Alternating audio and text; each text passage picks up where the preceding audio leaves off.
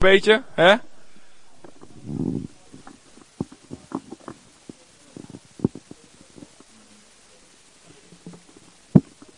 Geert, we gaan nog even voor je bidden, voor een nieuwe kracht. Dank u, heren, dat u, uh, dat u ons genade geeft, heren. En de genade is kracht om uw wil te doen. Ja, amen. En heren, laat uw wil gedaan worden vandaag. Ik bid dat Gerard er uh, ja, helemaal vernieuwd zal zijn, heer, verfrist.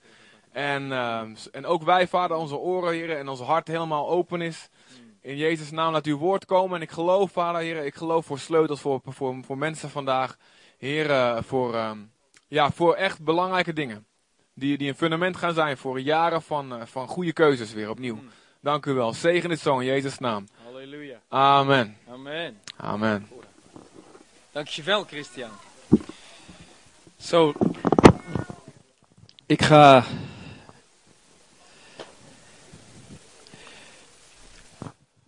Gewoon wat principes delen vanuit mijn, uh, vanuit mijn eigen leven. Over het single zijn. Even. Misschien dat. Chris, kan je me even helpen met die. Jij weet precies hoe dat ding werkt, want ik. Dat is een, dat is een vak apart, zie ik. Ik heb meteen gesloopt. Daar hebben we een ding onder gemaakt. Oh ja. Kijk eens. Heel mooi. We gaan naar een nieuw gebouw. Ja, dat staat er. Uh... Ben je nu welkom? Ah, in geloof, hè? Halleluja. Oké. Gewoon de eerste vraag is. Dat was dat ging over het, het, het vrijgezel zijn, het single zijn. Hoe ga je om met je single zijn? Wie zijn er in single? Oh, een hele grote groep. En wie van de singles hebben die ook een relatie? Die hebben nu een relatie. Je bent single, maar je hebt ook een relatie. Ja, met God. Dat is heel goed. Wie van de singles zou graag willen trouwen? Wie zegt, nou, van mij hoeft het allemaal niet meer. nee. Nee. Maar ik wil gewoon eens wat, wat, wat gedachten delen over het, over het single zijn. En hoe je daarmee omgaat. En ook uh, in mijn leven is natuurlijk nu een relatie gekomen. Dus in die zin ben ik niet meer single. Ik ben, ik ben verloofd. En uh, 29 mei gaan uh, we trouwen. En ook, ook, dat is een, een hele, hele weg die ik bewandeld heb met de Heer. En daar zal ik ook wel wat over, over delen. En er gaat vast nog een nieuw boek uitkomen van ons over hoe we elkaar ook gevonden hebben. Want als we praten over die bovennatuurlijke wereld, is dat ook best wel heel bovennatuurlijk gegaan. En geeft je ook een enorme zekerheid van, ja, wij horen bij elkaar, wij, wij passen bij elkaar. Goed, hoe ga je om met je single zijn? Allereerst in, in Genesis 2 vers 18, daar lezen we die bekende tekst dat Adam Die was alleen en God zegt, en de Heere God zeide, het is niet goed dat de mens alleen zij. Ik zal hem een hulp maken die bij hem past. Nou, dat is een bekende tekst. En uh, ik geloof, deze tekst kan je toepassen op het huwelijk. Maar ik geloof dat we het ook breder kunnen toepassen. Dat wij hebben relaties nodig. God heeft Adam gemaakt. En God zag Adam en God zegt tegen zichzelf, dus niet tegen Adam, maar God zegt tegen God: Het is niet goed dat hij alleen is. Hij heeft een maatje nodig. En wij hebben allemaal maatjes nodig. En we hebben allemaal vrienden en vriendinnen nodig in dit leven. Dat is gewoon belangrijk. Dus je past het, zeker in mijn tijd als single zijn, heb ik deze tekst ook toegepast. Wij hebben relaties nodig. Net zoals Adam had het nodig, want God vindt dat Adam dat nodig heeft. Dus dan hebben wij dat ook nodig. Daarnaast geloof ik ook dat je die tekst kan toepassen op het huwelijk. Dat God zegt, het is niet goed dat Adam alleen is, maar uh, uh, dat hij dus een hulp nodig heeft. En zo'n hulp, dat is een, uh, een helper. Dus ook in het Hebreeuws is dat hetzelfde woord ook voor God. Hè? Psalm 121, waar, waar God onze helper is. Hè, onze hulp is van de, van de Heer die hemel en aarde gemaakt heeft. Datzelfde woord wordt in wezen gebruikt. Dat God zelf is een helper. Als we praten over de vrouw als helper, is dat niet een minderwaardig woord, maar een meerderwaardig woord.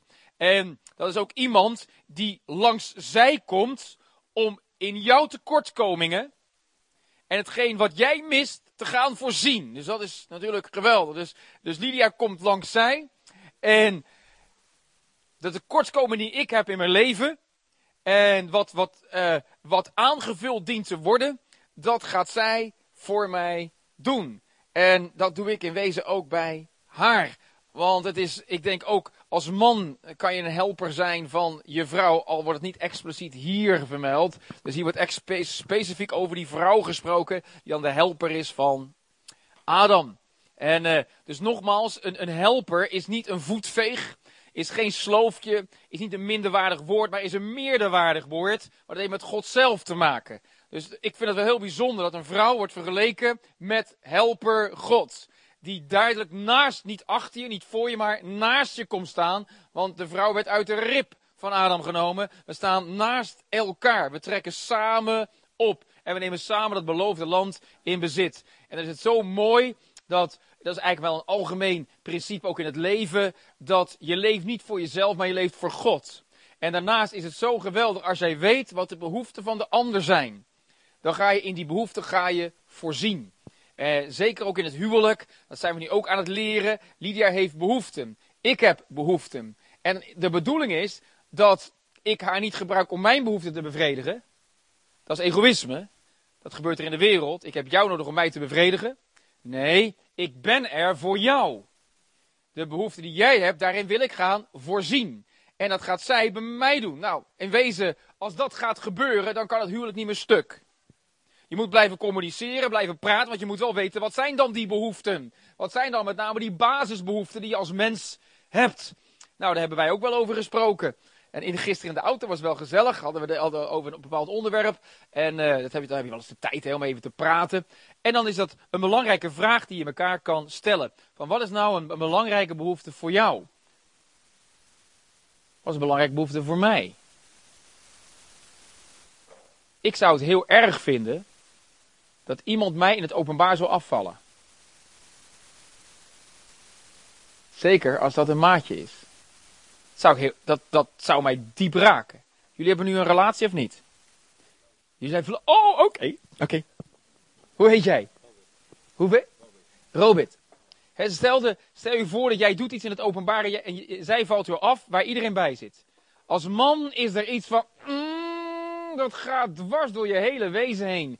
Nou, dus dat moet je goed, met andere woorden, nooit doen. Dat moet je ook bij elkaar natuurlijk niet doen. Maar zeker in een verbondsrelatie, en een verloving is al een, verbonds, een mate van een verbondsrelatie, want hè, je bent op weg naar engaged to be married. Hè, jullie, hebben, jullie zijn vast besloten om te gaan trouwen. Er kan ook niemand meer tussenkomen. Zo toch, ja? Dus dat is, dat is belangrijk. Nou gaan we even terug naar het woord helper. Dat woord helper, het heeft ook te maken met een, een ceremoniemeester. En een ceremoniemeester is iemand die de bruiloft voorbereidt. En wat zo bijzonder is, zo'n helper, die bereidt als het ware jou voor om dan daadwerkelijk datgene te kunnen doen wat je moet doen. Dus daarin is ook een helper die ondersteunt jou, die begeleidt jou, die, die, die is er voor jou. Dus uh, nou, het woord helper heeft voor mij een hele positieve betekenis gekregen. Ik denk, nou, dat hebben we, als mannen hebben we allemaal helper nodig. Amen? Dat hebben we allemaal nodig. En, uh, en als vrouwen hebben jullie ook een, uh, een goede helper nodig. Alleen wat hier dan niet expliciet vermeld. Maar ik denk dat we helpers mogen zijn voor elkaar. We staan naast elkaar. Het huwelijk is Gods wil. Amen. Dat is Gods wil. Ik geloof echt dat het de wil van God is dat een man een vrouw vindt. Want dan heb je iets goeds gevonden. En een vrouw een man vindt, want dan heb je iets goeds gevonden en gunst van de Heer verworven. Er zijn echter ook uitzonderingen op de regel. Die zijn er ook. Mijn leven, toen ik 23 jaar, ja, 24 jaar jong was, dat is alweer 21 jaar geleden. Toen heb ik een heel krachtig moment met God gehad. Waar God mij expliciet de vraag stelde: Ben jij bereid om alleen door het leven te gaan? God zei niet: Jij moet alleen door het leven gaan, maar ben jij bereid om alleen door het leven te gaan? En ik had toen niet echt verkering, ik had een vriendschap. Want er zijn niveaus hè, van vriendschap, waardoor je, waar je dus kan, kan toegroeien naar een verkering, een verloving, trouwen. En voor de rest, echtscheiding komt niet voor in onze boeken. Amen. Die hebben eruit gehaald en eh, dat bestaat niet. Want een verbond is een verbond en in wezen betekent, het, betekent dat gewoon door de dood heen. Dus als iemand het verbond verbreekt, mag je hem doden. Het Oude Testament. Prijs God voor het Nieuwe Testament. Maar nogmaals, in het Oude Testament was het heel duidelijk.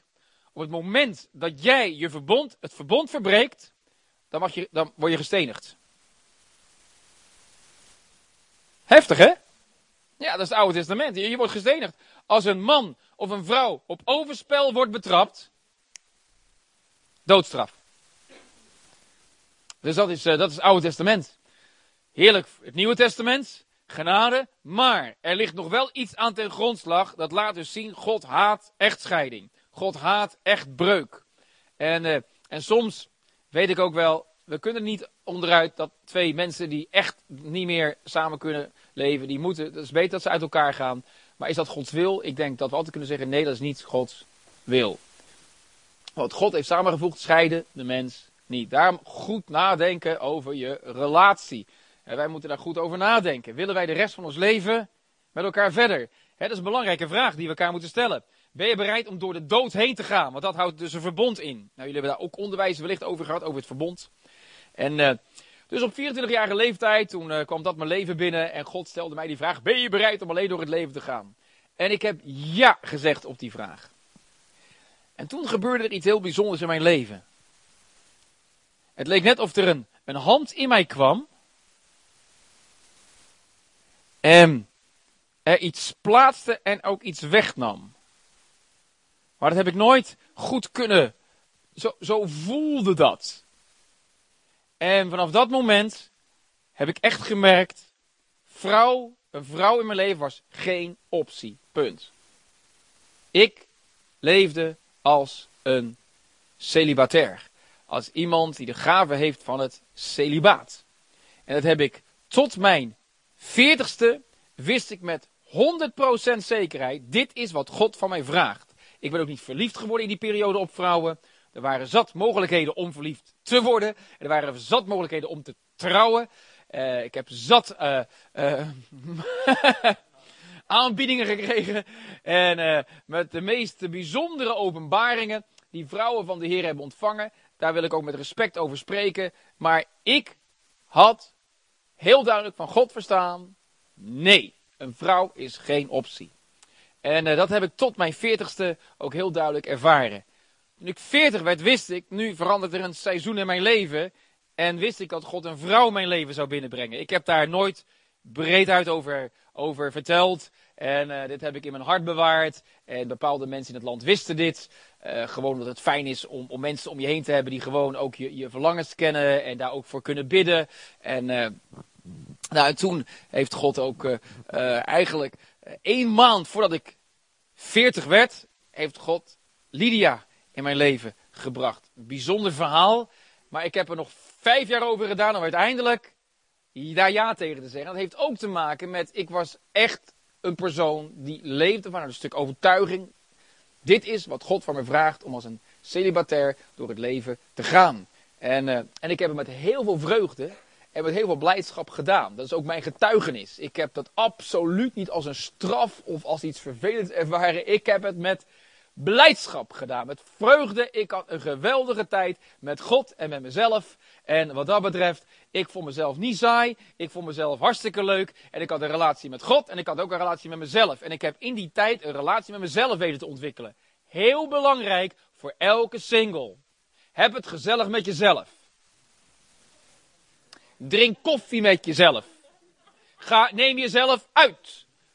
Het, het klinkt heel vreemd, maar dat is precies zoals God het bedoeld heeft. Dat heeft te maken met het single zijn. Dan kom ik straks nog over wat openbaring die God mij gegeven heeft over dat single zijn. Wat wellicht jou kan helpen, wat mij enorm heeft geholpen. En uh, dus het is de wil van God om te trouwen, maar er zijn uitzonderingen. En ik heb ook gemerkt in die periode, en dat is ook wel gebaseerd op 1 Korinthe hoofdstuk 7. 1 Korinthe 7, daar lees je bepaalde teksten. Dus even, ik sla het even op. 1 Korinthe 7. Dat was mijn favoriete hoofdstuk natuurlijk.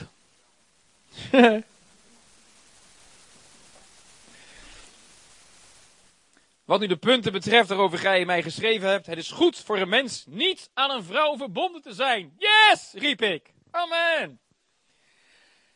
Want dat was mijn getuigenis. Nu, vend, nu zeg ik, ja, mooi in die fase van mijn leven, maar nu ben ik heel blij dat ik verbonden mag zijn met een vrouw.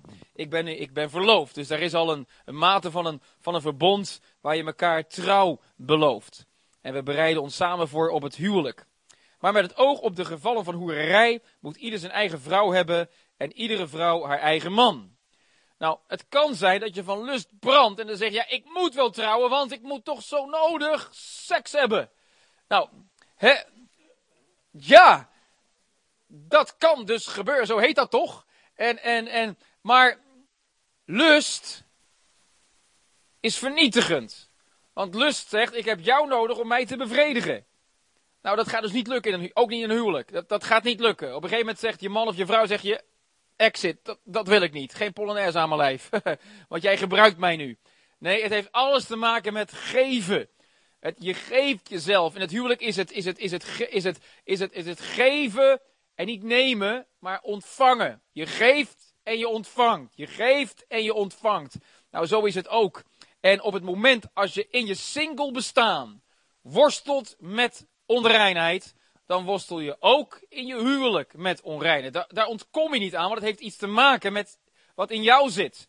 Dus, de, dus in wezen, dat je dus gemeenschap of seks kan hebben met je partner, lost het dus niet op. Daar, ik kan niet uit ervaring spreken. Dat geef ik eerlijk toe. Maar dat zijn wel de mannen en vrouwen die met mij gesproken hebben over dit punt. En zei Gerard, voor mijn huwelijk had ik last van lust. In mijn huwelijk heb ik het ook. Dus ik moet er gewoon mee dealen. En ik had liever gehad dat ik het voor het huwelijk had gedaan. Dus dat is belangrijk. Dat is gewoon dus, dus geen utopie van, oh, als ik daar maar getrouwd ben, dan ben ik daarvan verlost. Dus niet. Het wordt misschien zelfs erger. Want waarom? Er wordt iets geactiveerd en dan op een verkeerde manier gekanaliseerd, waardoor het alleen maar uh, erger wordt. En er brandt een vuur in je, wat echt gedoofd moet worden en weer op een juiste manier moet worden aangestoken. Mhm. Oké. Nou, en dan, dan lees je in vers, in vers 7, een mooie tekst. Ik zou wel willen dat alle mensen waren zoals ik. En dan zei ik, amen. Want Paulus was ongetrouwd. Hij was single. Hij was, leefde in een ongehuwde staat. Er was een duidelijke seksuele onthouding. Want met single bedoelen we dus ook, niet dat je allerlei relaties hebt met allemaal, allemaal mannen of vrouwen. Want dan in die zin, al die latrelaties. Nee, single betekent een ongehuwde staat. En daarnaast heb je ook geen seksuele relatie met, tegenwoordig moet je dat er ook wel bij zeggen, het zijn man of vrouw. alleen God heeft bedoeld seks tussen man en vrouw. En niet tussen man en man en ook niet tussen vrouw en vrouw. Dus homoseksualiteit is niet Gods wil. Betekent dat dat God niet houdt van deze mensen? God houdt heel veel van deze mensen. Alleen de daad die zij doen, net zoals liegen, stelen en bedriegen, is zonde. Zo is homoseksualiteit ook zonde. Amen. Daar, daar, daar, is de Bijbel heel duidelijk over. Alleen we dienen mensen te helpen, te begeleiden als ze daarmee worstelen. Want steeds meer mensen worstelen daarmee. Ook vandaag de dag. Waarom? Omdat de deur is opengezet in Nederland. Door D66 bijvoorbeeld. Waar jullie burgemeester ook deel van uitmaakt. Als het goed is. Deze Arnold, hoe heet hij ook alweer? Gerritsen. Nou, in ieder geval, D66 en dat soort partijen hebben de deur geopend naar de geestelijke wereld voor deze geest om gewoon zijn land binnen te komen.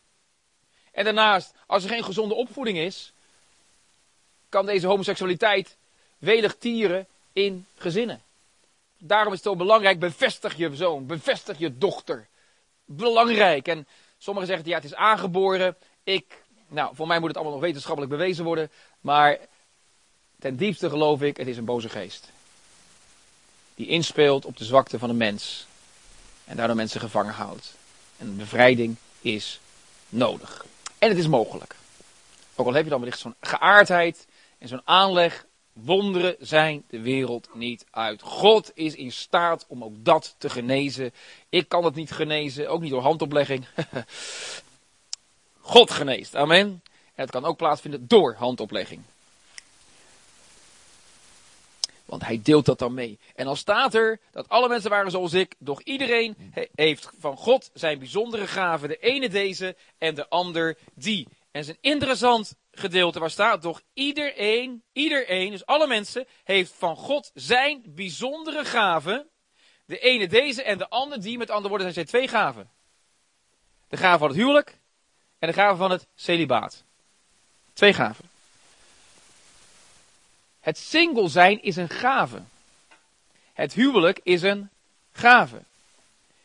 Ik heb heel duidelijk ervaren in die 16 jaar van overtuigd als een celibatair te leven dat het een gave is. Ik heb het ook heel duidelijk tegen God gezegd: Heer, dank u wel voor deze gave. Ik ben heel veel mensen tegengekomen. Ja, maar ik wil deze gave helemaal niet. Zeg, jammer dan, maar je hebt hem wel. Dus je moet ermee leven. Iedereen die niet getrouwd is, heeft die gave. Alleen wij denken, oh, oh, oh, moet ik de rest van mijn leven dan single blijven? Nee, je mag het inruilen voor de gave van het huwelijk. Maar als je eenmaal getrouwd bent, kan je het niet meer inruilen. Dus wat dat betreft, als single ben je, bevoor, ben je bevoordeeld. Je, je, mag die gave nog inruilen voor het huwelijk. Maar als je eenmaal getrouwd bent, tenzij je natuurlijk weduwe weduwnaar bent, dan mag je opnieuw weer trouwen. Maar op het moment eh, dat je dus, eigenlijk is, is de Bijbel daar vrij keihard in. Op het moment dat je gescheiden bent, blijft dan zo. Dat is heftig hoor, is de Bijbel vrij. Ja, maar mijn, daar is overspel geweest bij mijn partner. Dan is daar een vrijheid om opnieuw te trouwen omdat je vrij bent.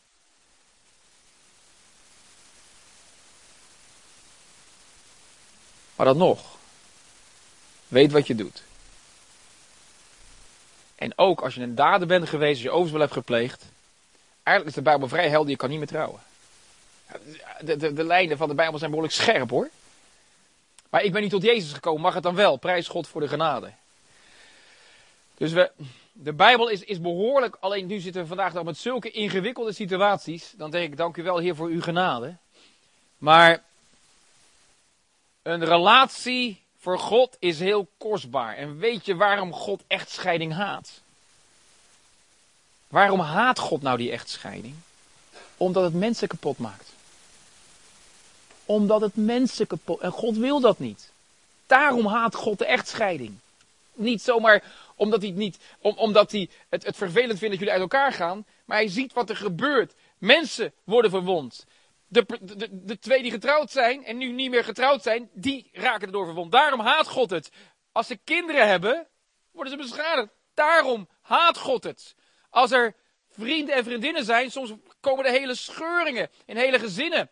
Daarom haat God die echtscheiding, want hij zegt, ik wil dat niet. Ik wil niet dat mensen kapot gaan. En we weten allemaal, als er iets gescheurd wordt, is daar pijn. En pijn geeft ook vaak een ingang voor boze geesten om binnen te komen en hele gezinnen kapot te maken. Daarom haat in mijn beleving God echtscheiding. En moeten we er goed over nadenken. Denken jullie er goed over na? Wij moeten er goed over nadenken. Want het is niet zomaar iets wat je doet.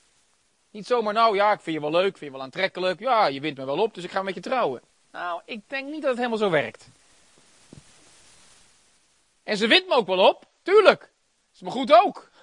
Anders zou het verkeerd zijn. Maar als dat, een, als dat je motivatie is, dan geloof ik dat we heel verkeerd bezig zijn. Dus twee gaven hier, op basis van het woord. 1 Korinthe 7 vers 7.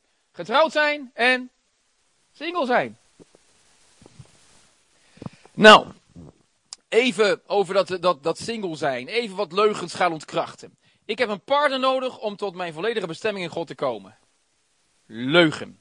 Je bestemming is in God en niet in je partner. Ik heb niet Lydia nodig om tot mijn bestemming te komen. Lydia heeft mij niet nodig. Ik neem maar even als voorbeeld nu, omdat het natuurlijk nu zo dichtbij bij is. En uh, uh, dan, is het ook als, kan ik het ook als voorbeeld gebruiken. Maar ik, Lydia heeft mij niet nodig om tot haar bestemming te komen. En ik heb haar niet nodig. Dat zou een leugen zijn. Maar heel veel geloven in die leugen. Oh, ik, heer, geef me een man, geef me een vrouw, want dan kan ik gaan doen voor u wat ik moet doen. Nee, doe datgene wat je nu moet doen. Ik, ik ben nu 45. En ik heb iets moois mogen opbouwen in het koninkrijk van God. En nu denk ik, nou, lijkt me weer geweldig om samen met haar weer iets te bouwen. Lijkt me helemaal geweldig. Dus Soms moet je weer van helemaal onderaf aan beginnen, maar dat is niet erg. Want waarom? Je doet het dan samen. Maar zij kan ook instromen in wat ik heb mogen bouwen. Maar ik kan ook weer instromen in wat zij heeft mogen bouwen. En zo kan je elkaar weer een geweldige, voor elkaar een geweldige aanvulling zijn. Als ik een partner heb, is mijn eenzaamheid opgelost. Leugen. Eenzaamheid is een ziekte. En daar moet je van bevrijd worden. Er is een groot verschil tussen alleen zijn en eenzaam zijn. Alleen zijn betekent single zijn. Maar ik als single ben nooit eenzaam geweest. Nooit. Ik ken dat gevoel niet. Ik heb het gevoel gelukkig ook nog nooit gekend in mijn leven. Eenzaam zijn, dus dat is denk ik een genade van God. Maar eenzaamheid wordt niet opgelost door een partner. Amen. Dus om, dat, dat zit tussen je oren, eenzaamheid. Verandering van denken. God heeft niet aan, e- aan Adam een partner gegeven, Eva, omdat hij eenzaam was. Heeft hij niet gedaan. Want Adam was niet eenzaam. Adam was vervuld in God. De kans is zelfs aanwezig dat hij niet eens echt goed wist wat hij miste. Maar God liet hem zien wat hij miste, waardoor hij op een gegeven moment voelde van, oh, ik mist iets. Maar dat komt omdat God dat bepaalde. En dat is zo'n groot verschil. God nam daarin initiatief. En dan, als, als ik een partner heb, ben ik bevrijd van lust, seksuele onreinheid. Nou, ook dat is een leugen. Ja, ik ben ze natuurlijk tegengekomen, in, ook in mijn eigen leven, waar ik daarmee moest dealen. En ik ben zielig, niemand wil mij. Ik schiet over. Nou, zolang je dat blijft denken, schiet je ook over. En kan je niet raak schieten. Dus het is belangrijk dat je dus heel duidelijk ervaart: Heer, dit, dit wil ik niet, dit zijn leugens. Nou, even die tekst uit Matthäus 19, vers 12. Matthäus 19, vers 12. Een tekst waar niet zo vaak over wordt gepredikt.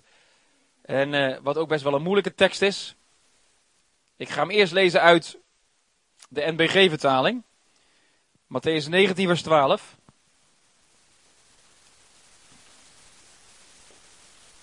En dan staat het volgende. Er zijn immers gesneden. Nen. Er zijn immers gesnedenen. die zo uit de moederschoot geboren zijn. En er zijn gesnedenen die door de mensen gesneden zijn. En er zijn gesnedenen die zichzelf gesneden hebben ter wille van het koninkrijk der hemelen. Die het vatten kan, die vatten het. Hmm, dat is een tekst. Nou, het boek zegt het volgende. Dat maakt het wat makkelijker. Het boek schrijft, sommige mensen kunnen niet trouwen, omdat zij met een afwijking geboren zijn. Dat zijn dus de gesnedenen die zo uit de moederschoot geboren zijn. Anderen kunnen niet trouwen, omdat zij door andere mensen verminkt zijn. Zoals bijvoorbeeld een eunig. Die werd door mensen verminkt. En dat lijkt me auw. Want hij vindt dus een, het is een gesnedene, een ontmande. Je bent gecastreerd. En met name de vrouwenoppassers in een harem van een, uh, van een koning, die werden dus uh, gecastreerd. Wat denk je van uh, deze Ethiopiër, die, die ook Filippus tegenkwam op de weg. En hij was dus zo'n ontmande. Hij was een gecastreerd. Castratie, even een, een, een definitie. Onvruchtbaarmaking door het verwijderen van de geslachtsklieren. Of van de zaadballen. Ik moet helemaal dan... Denk ik, oké. En zeer waarschijnlijk was Daniel een eunig. Daniel, aan het hof van de koning. Dus uh, dat zou dus best eens goed. Daarom is Daniel ook niet getrouwd. En uh, Jezus was niet getrouwd, Paulus was niet getrouwd. In Jeremia 16 vers 1 dan lees je dat Jeremia ook niet was getrouwd. Dus er waren mensen in de, in de Bijbel die als een single, als een celibatair door het leven zijn gegaan. En weer anderen trouwen niet, omdat zij daar ter wille van het koninkrijk van de hemelen van afzien. Dat zijn de gesnedenen die zichzelf gesneden hebben ter wille van het koninkrijk. En ik heb daar heel bewust toe voor gekozen op 23-jarige leeftijd. Ik ervoer ik ben op dit moment een gesnedene ter wille van het koninkrijk, een bewuste keuze die ik heb gemaakt op basis van een woord, wat God tot mij had gesproken. Ben jij bereid om alleen door het leven te gaan? Daar heb ik ja tegen gezegd. En ik moet zeggen, ik heb het met heel veel vreugde en blijdschap gedaan. En in de beginfase wist ik helemaal niet voor hoe lang. Maar toen ik rond de 30, 31, 32, wist ik op een gegeven moment, het zal zijn tot mijn 40ste, omdat ik een keer een, een, een, een visioen, een droom had gezien, waar ik werd losgemaakt op mijn 40ste van iets wat ik had beloofd. En, en nou, en ineens paste dat precies in dat plaatje van op mijn 40ste ben ik vrij om als een celibatair te blijven leven of om te trouwen en mag ik het inwisselen. Alleen in het land, in Nederland heb ik dat niet echt verkondigd. Eh, ik ben blijven lesgeven over dit, dit onderwerp. En als mensen, ja, ga je dan nog trouwen, Gerard? En dan liet ik het vaak in het midden. Want mensen willen precies weten. Oh, hey, heb je het al gehoord? Gerard gaat trouwen. Of zie je, hij blijft voor de rest van zijn leven uh, als een celibatair leven. Nou, dat wilde ik dus voorkomen. Door gewoon soms in vaagheden te spreken. Ja, de riddles. Hè? En dat is gewoon wijsheid. Wat ik diep in mijn hart wist. Ik weet, er gaat een vrouw in mijn leven komen. En die mijn leven zal gaan verrijken. Dus ook dat is, uh, en dat is dus nu gebeurd. Dus dan wordt die tekst ook gelijk helder. Er zijn mensen die niet kunnen trouwen vanwege een afwijking bij de geboorte. Ook vandaag de dag is dat zo. Er zijn bijvoorbeeld verstandelijk gehandicapten, mensen met een beperking, waarvoor het wijs is om niet te trouwen. En ook niet echt kunnen trouwen. Dat, dat is gewoon een gegeven. De Bijbel spreekt erover. Er zijn erbij, doordat ze zo verminkt zijn door mensen, zo verknipt zijn in hun persoonlijkheid, dat het eigenlijk niet mogelijk is voor ze om te trouwen. Wat denk je van satanisch ritueel misbruikte mensen? Die hebben misschien de rest van hun leven hier op aarde herstel nodig. En om dan te trouwen, zou misschien alleen nog maar de boel verergeren. En dan is het wijzer dat ze dus gewoon als single door het leven gaan. En echt hun vervulling enkel en alleen in God zoeken. En ik weet, dit is niet een wet van mede en persen. En hoor mij ook niet zeggen dat iedereen die satanisch ritueel misbruikt is, kan niet trouwen. Dat zeg ik ook niet. Maar het kan soms zo zijn dat het wijsheid is vanwege de pijn, vanwege de afwijzing, vanwege het feit dat iemand zo verknipt is in zijn persoonlijkheid, dat het beter is om niet te trouwen. En misschien er zelf ook voor kiest om dat niet te doen. Want iedere keer weer, als je dan denkt aan een bepaalde waar de intimiteit gaat komen, dan kan er weer een trigger zijn zodat ze weer helemaal van de kaart zijn en misschien wel een maand nodig hebben om dat weer te verwerken. Dus dat is iets wat ook een gegeven is. Dat heeft alles te maken met de zondeval. En ook Jezus doelt dan op zo'n situatie. Zij zijn gesneden door mensen. En zonde hen aangedaan. Verschrikkelijk. Maar ik geloof er is een geweldige beloning voor deze mensen in de hemel. Dat geloof ik met heel mijn hart. En voor mij zijn dat helden hoor. Deze mensen die dat hebben meegemaakt, zo verknipt zijn, daar heb ik een enorme zwak voor. Uh, daar kan ik kilometers mee extra gaan. Op de een of andere manier heb ik daar iets. Ja, die zijn zo pijn gedaan. Die zijn zo vertrapt. En deze mensen zijn geen aanstellers. Die zijn, die zijn absoluut niet zielig. Ze zien zichzelf ook niet als zielig. Maar die moeten voortdurend de confrontatie aangaan met duisternis. En uh, nou, daar heb ik enorm veel bewogenheid voor. Want ik vind het, voor mij zijn het helden. Voor mij zijn het, zijn, zijn het geweldenaars voor het koninkrijk. En ik, ik verbaas me dikwijls over de openbaringen die zij van God krijgen. De dingen die zij mogen meemaken. De visioenen, de beelden, de openbaringen. De, de, de, de, de wijsheid waarmee ze soms spreken. Omdat ze iets mee, mee hebben gemaakt wat geen ander heeft meegemaakt. En vanuit die dimensie en die diepte kunnen zij ook spreken. Maar daarnaast merk je ook dat ze niet onder een grote druk kunnen leven. En grote verantwoordelijkheden is dan dikwijls ook niet mogelijk, omdat het dan te zwaar op hun leven drukt. En de andere kant is ook zo, er zijn mensen die heel erg verknipt zijn, maar die echt Satan, die nog helemaal vastzit in de greep van Satan en die Satan eigenlijk gebruikt om zijn imperium uiteindelijk te bouwen. Zou het kunnen zijn dat de antichrist een zeer verknipt mens is? die uiteindelijk helemaal zo getraind is, al vanaf het moment van de conceptie. En persoonlijk geloof ik dat er een keer zo'n antichrist gaat komen. Omdat Satan, hij moet naapen. Hij moet gewoon Christus kunnen naapen. En dan zal hij zelf gaan wonen in zo'n persoon. En, maar dat zal natuurlijk heel duister en demonisch zijn. Hm. Ja, dat is een ander onderwerp. Yes, eschatologie. Hoe gaan we daarmee om als overwinnende kerk van Jezus? Want ik geloof in een overwinnende kerk in de eindtijd. We gaan van glorie tot glorie, van kracht tot kracht. Of we nou wel of niet voor de grote verdrukking worden opgenomen. Daar zijn vele discussies over. Maar ik ga er dwars doorheen, zeg ik altijd maar. Halleluja. Want ik ben meer dan een overwinnaar. Yes, halleluja. En het zou zelfs mogelijk zijn dat juist God door de kerk al deze oordelen over de aarde brengt. Maar dat is een ander verhaal. Hmm, nou, yes. Jullie zijn er nog bij? Oké, we gaan eventjes... Uh, uh, ik wil iets delen over uh, de fases die je in je leven tegenkomt. Redenen waarom je als vrijgezel door het leven gaat. Dat is ook iets wat ik zelf heb. Dat is ook een stukje getuigenis van mezelf. Van waarom ben ik als, als, als, als, als vrijgezel door het leven gegaan. Er is een fase in je leven, er zijn allemaal fases in je leven, waar je eigenlijk nog te groen bent om een relatie aan te gaan. Te groen noem ik dat. Waarom? Je identiteit is nog niet ontwikkeld. En toen ik 24 jaar oud was, wist ik, nu ben ik klaar voor een relatie. Dat wist ik. Nu ben ik klaar. Toen ik 18, 19 was, wist ik ook, ik ben niet klaar voor een relatie. Want er waren nog bepaalde aspecten in mijn leven waarvan ik wist, ik moet hier meer volwassen in gaan worden. En een relatie zou ervoor zorgen dat ik mijn identiteit gaat wortelen in die, in die relatie en niet in Christus. Dus ik heb toen ook relaties afgehouden. Ik wist, het is niet wijs om nu een relatie aan te gaan. En het kan zijn dat je een jaar of 18, 19 bent, dat je er wel klaar voor bent. Maar dat, dat, dat, dat wees eerlijk met jezelf. En het kan zijn dat je pas op je dertigste er klaar voor bent, omdat je gewoon dingen hebt te verwerken in het leven. En, en dat betekent eerlijk zijn met jezelf. Dus dat heeft te maken ook met fases in je leven.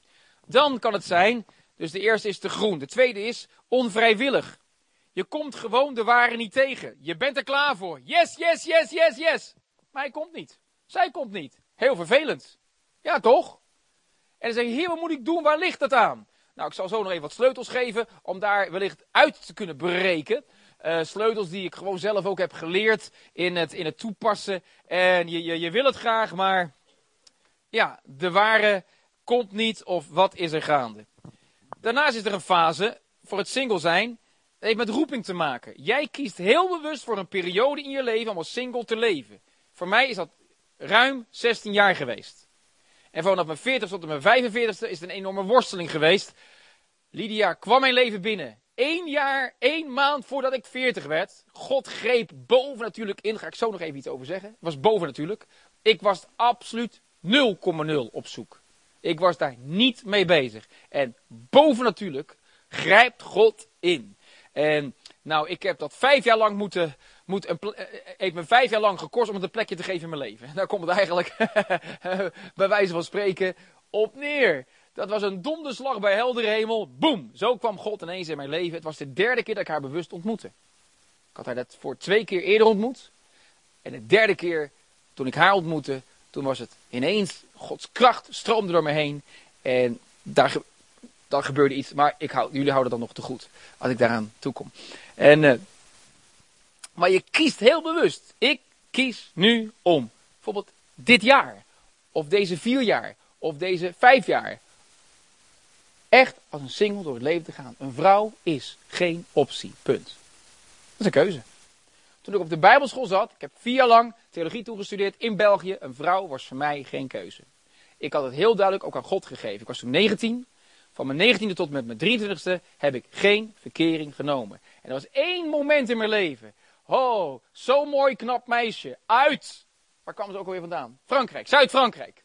Uit, uh, ja. En ze was speciaal voor mij naar de Bijbelschool gekomen. Ze had mogen zingen. En ze had mogen getuigen. En ze denkt van, met die man wil ik trouwen. En met die opdracht was ze ook naar de Bijbelschool, naar, de, naar het seminarium gekomen. En uh, ik zie me nog die avond met haar wandelen in Sint-Pietersleeuw. Liep ik naast haar. En ik wist, zij was helemaal hoog tot de botel. En bij mij kwamen er ook wel gevoelens. Maar ik had God iets beloofd. En God had heel duidelijk gezegd: geen relatie op de Bijbelschool. Hey. En, uh, en op dat moment, ik had een relatie kunnen beginnen, maar ik had een woord van God. Niet doen. Toen heb ik nee gezegd. En ik ben zo blij dat ik het niet gedaan heb. Oh, dank u wel, Heer. Had ik genade, was genade. Dus ik ga echt niet zeggen, kijk eens hoe goed ik ben. Nee, dat was genade van God. En ik heb het niet gedaan.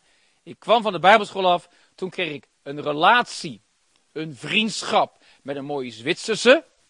Het goede Zwitserse leven. En uh, Sarah Lise Lepsinski, nou die naam alleen al. Ja, geweldig. Wow. En ook daar in die fase zei God, niet doen. En toen sprak God heel duidelijk, ben je bereid om alleen door het leven te gaan? Dat heb ik daar ja tegen gezegd. En sinds die tijd was een vrouw op de bijbelschool vier jaar lang. Dus van mijn 19 tot mijn 23ste, geen optie. En vanaf mijn 24ste tot mijn 40ste, geen optie. En dus dat is, een, dat is een fase in je leven. En het kan ook zijn dat die fase maar één jaar duurt. Of twee jaar. Want waarom jij weet, ik moet aan iets werken. Ik moet echt mijn identiteit wortelen in Christus. Of er is iets in het verleden gebeurd wat ik nu moet gaan verwerken. En een, een relatie past daar niet bij. Heeft alles te maken met eerlijk zijn met jezelf. Kom ik over?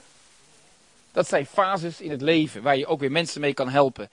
En daarnaast, hè, wat ik al zei, je kan in een fase zijn, een periode van genezing en herstel. En is het belangrijk om je verleden te verwerken. Om gewoon daarmee echt goed klaar te komen. Wellicht in een stukje therapie te gaan of uh, pastorale zorg. Uh, gelukkig hebben we hele goede therapeuten ook in Nederland. Die spreken vanuit geloof bid ik ook met name voor.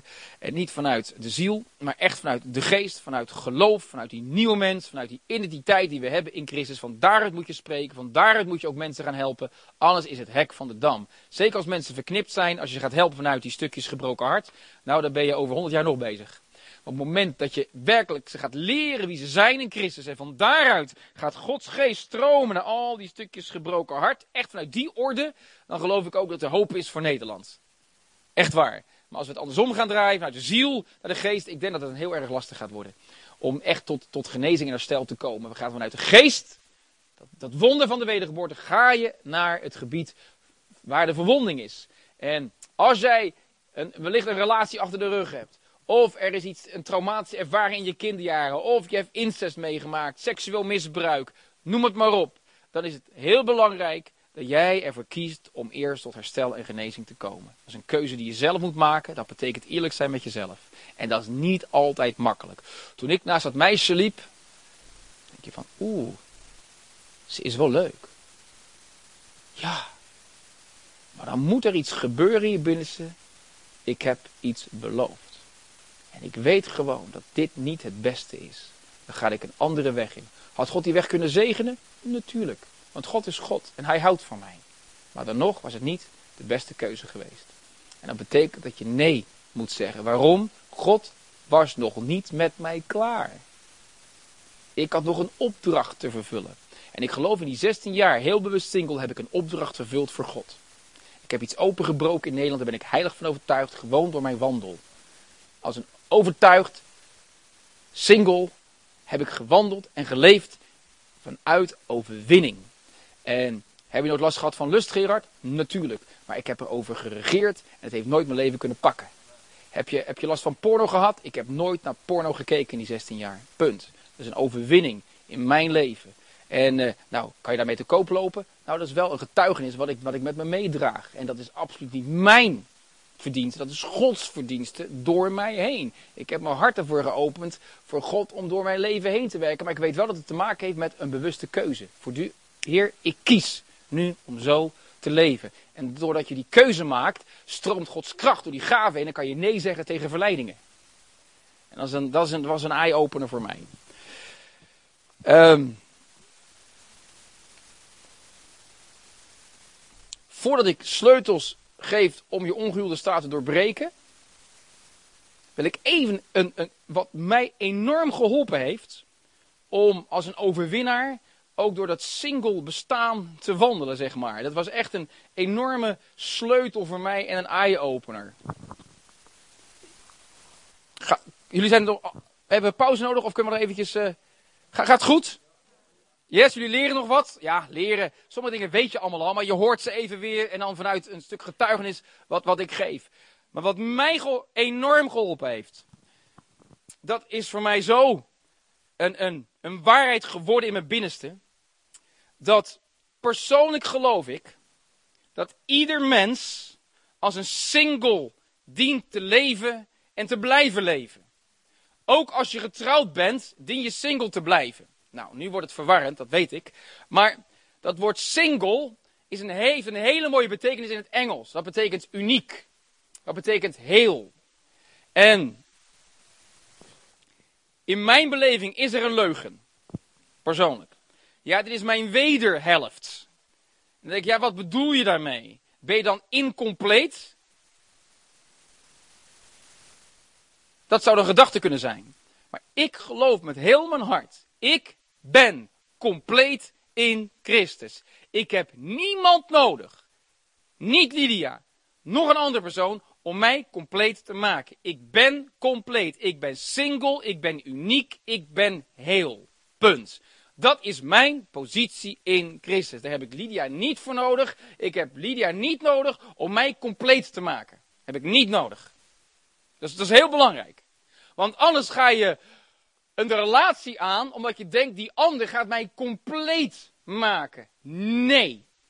Geen mens kan jou compleet maken. God heeft jou compleet gemaakt in Christus. Jij bent uniek. Jij bent single in Christus. En in die hoedanigheid moet je de rest van je leven single blijven. Ook al ga je trouwen, dan nog blijf ik single in de zin compleet uniek in Christus. Maar wat gebeurt er dan wel? Op het moment dat er een partner, een verbondspartner in je leven binnenkomt, voor een man een vrouw en voor een vrouw een man, moet ik vandaag de dag echt duidelijk zeggen.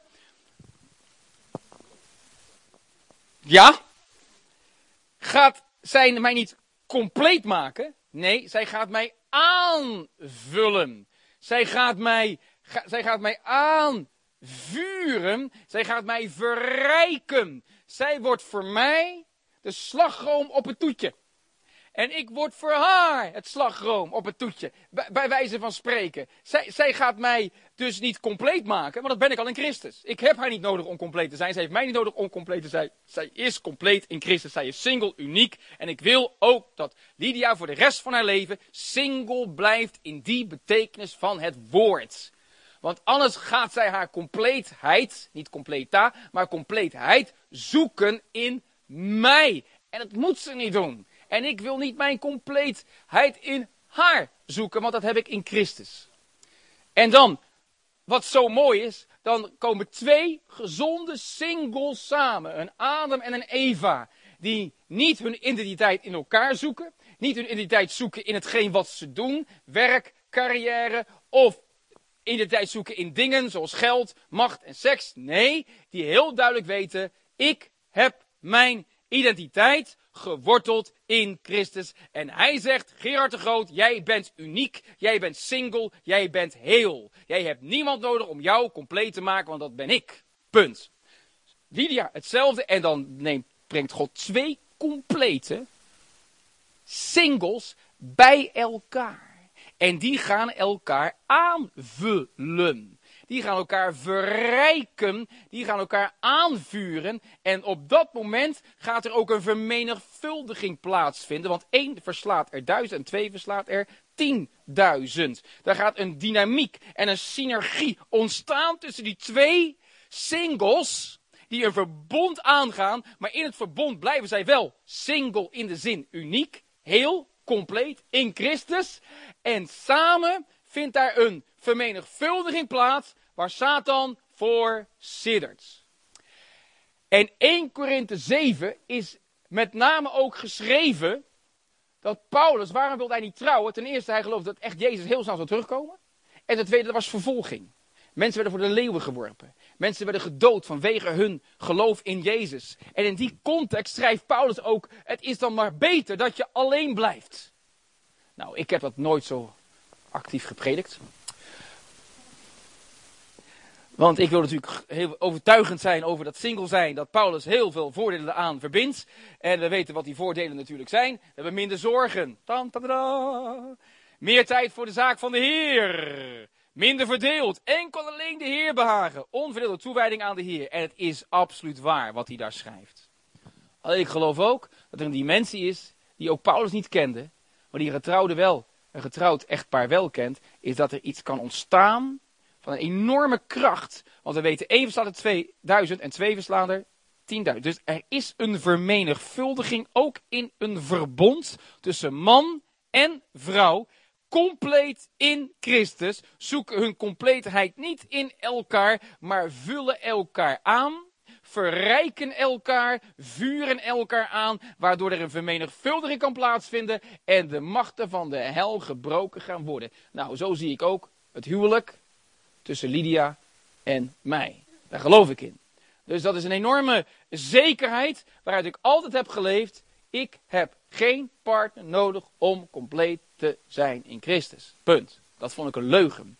En daarnaast heb ik ervoor gekozen, omdat ik het in mijn, in mijn single staat, heel uniek, heb ik ook gekozen, Heer, maak mij heel in Christus.